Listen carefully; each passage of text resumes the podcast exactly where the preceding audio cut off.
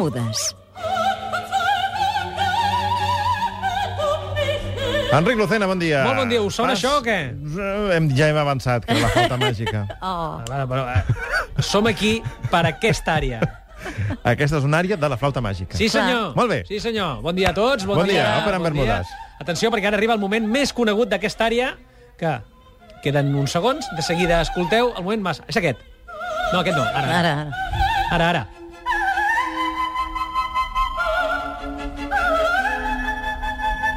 Som aquí per aquesta àrea, que es diu, atenció, la venjança de l'infern bull al meu cor. Però en alemany. Perquè Com és en I alemany, com es doncs? pronuncia? és que jo no sé alemany, però és... Eh, busqueu, és Der Hol Rache... Tothom li diu Der Hol Rache. És, és més llarg, però tothom la, diu Der Hol Rache. Molt bé. Però ja em perdonareu l'alemany. Ja sabeu que jo sóc més d'anglès, italià, Sí. francès, Sí, però que sí, l'alemany... polític. Japonès el toques, també. També, també, però en canvi l'alemany no em surt eh, així com voldria. Bé, La flauta màgica, estrenada al Teatre Andervin de Viena el 30 de setembre de 1791, és evidentment una òpera de Wolfgang Amadeus Mozart, és molt coneguda, tothom ha vist algun fragment, tothom ha sentit eh, algun, ha escoltat algun fragment i sobretot a tothom eh, li ha passat pel cap o li ha passat per les orelles aquesta àrea en algun moment de la seva vida. Però el que volem saber, Enric, a l'Òpera en Bermudes, és de què va la flauta màgica? Clar, de què va la flauta màgica? Perquè algú ens podria explicar de què va realment la flauta màgica. És un Tu? dels arguments... Sí, sí, clar, Clar. clar, per això em pagueu. Eh, perquè això no ho fem gratis, eh? Al mig de l'agost. Ja ho dic ara. Ja ho dic ara.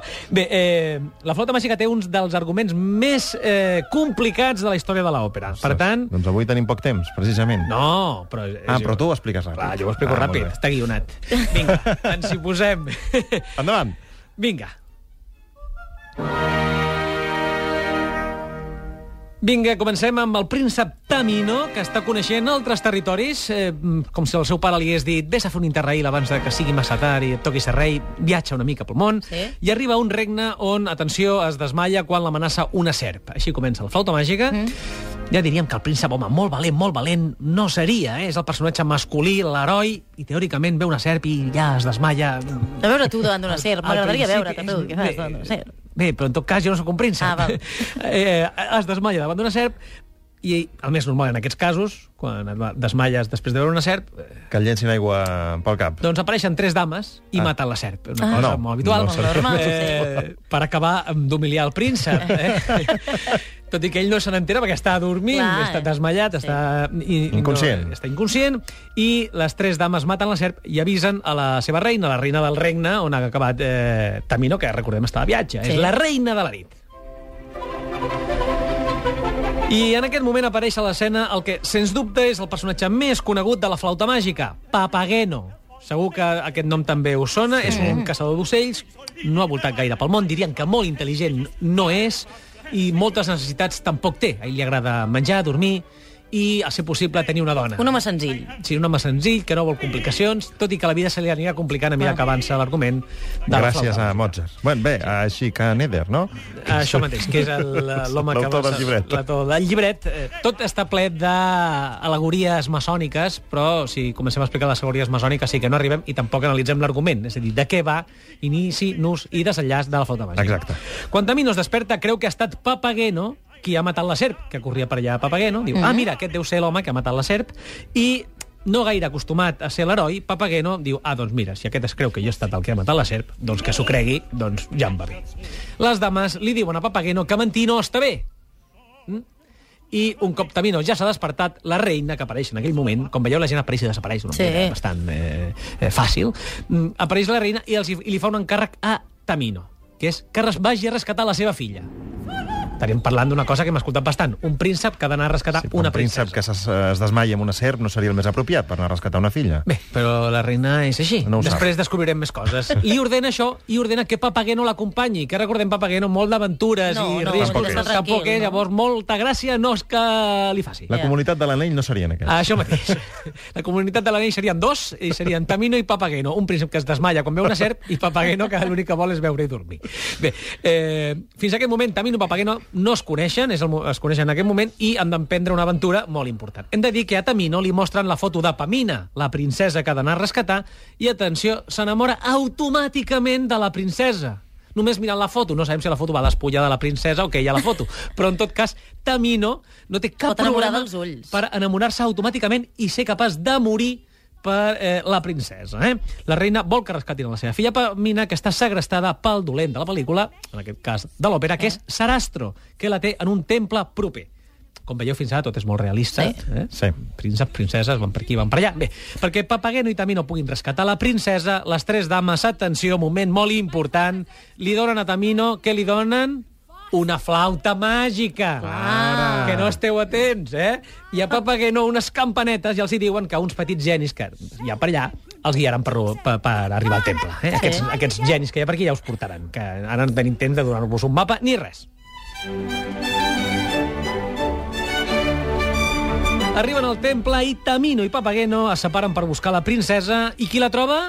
Papageno. Papageno. Papageno, Papageno, eh? Tamino està parlant per allà amb un altre home, eh, que ara no explicarem. Papageno es troba ell sol a Pamina, que està vigilada per un home que va una mica calent i que es diu Monòstatos. Eh? Monòstatos ja és una mica el carcelero, eh? Sí. Eh, esclar, Pamina veu un home estrany que la ve a rescatar, no? perquè Papageno sempre va vestit amb unes, a, a tots els muntatges operístics d'una manera Sí, on es pot veure que és un caçador d'ocells i que no és un home normal, veu que aquell home la ve a rescatar, no sap si és bo o dolent allò que la ve a rescatar, però ell li explica, Allò. no? que vinga amb un príncep que està enamorat de tu, i Tamina, i Pamina, en el moment d'escoltar que un príncep la ve a cercar i que està enamorat d'ella, també s'enamora automàticament, ja sense, Sense foto i sense res. Eh? és, és més immediat que abans. Eh? Aquí tothom ja està Ja superenamorat de tothom. Val. Per tant, eh, entenem que la història d'amor en si no li importa No, no li No, importa no, res, a Mosa, no. eh? I no, no és el més important.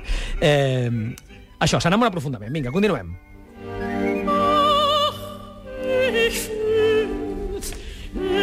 Papageno i Pamina comencen a fugir gràcies a les campanetes, però són descoberts per dolent de la història. Sarastro, que en aquest moment es revela com un home savi i bo. Ara, de sobte, Sarastro és el bo.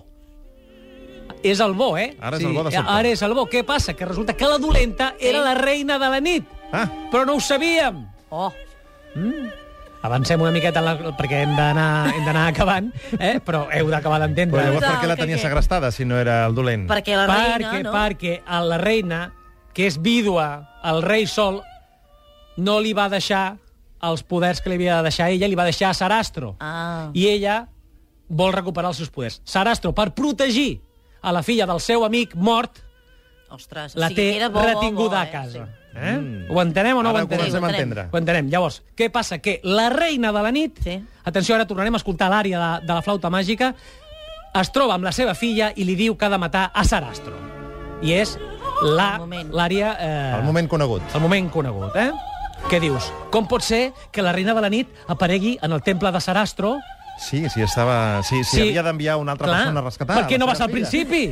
I ja ho fas tu tot, eh? Que has d'enviar a un caçador d'ocells i a un príncep covard. Però bé, hi ha unes proves, Arastro aconsegueix que Tamina eh, que Pamina, perdó, i Tamino passin les proves eh, que hi ha dintre del temple, gràcies a la flauta, ja ho explicarem eh, un altre estiu, perquè avui ja no hi ha més temps, i la setmana que ve parlarem d'una altra cosa. Tens un minut i mig. Tinc un minut i mig, molt bé. I eh, el que passa és que finalment el bé guanya el mal i Sarastro, eh, Pamina i Tamino acaben triomfant, evidentment amb Papageno, que acaba aconseguint la seva papagena al final de l'obra. Ah, D'on surt la bé. papagena aquesta? Doncs eh, surt perquè al final Sí, sí, ell es compromet a fer unes feines a canvi de que li, propos, li, li portin una dona. I també, quan la troba, automàticament li agrada. Eh? És una cosa bastant habitual a la flauta màgica. Per tant, podríem dir que la flauta màgica... Bé, jo crec que el que hauries de fer és, eh, com fem sempre al final d'aquesta secció, resumir l'argument en 15 segons. Doncs la flauta màgica en 15 segons. A veure, una reina dolenta intenta matar a un amic del seu marit que li ha deixat l'herència i al final li surt malament. Fins aquí l'argument de la flauta màgica. I també seria una òpera on la gent s'enamora fàcilment. Sí, i on el protagonista, el, el personatge més conegut, que és Papageno, és, no és prescindible per la història. Eh? Es podria explicar igual la flauta màgica sense Papageno. veritat. I també hem de dir que és molt recomanable. Aneu-la a veure perquè és espectacular, A més a més, musicalment. fins i tot pels més petits. Sí senyor, sí senyor. Molt bé, hi ha la la, petit, hi ha la petita flauta màgica també, a les Exacte. versions aptes per nens, eh? La flauta màgica, versió Enric Lucena, moltes gràcies. Fins la setmana vinent. Fins la setmana vinent. Adéu.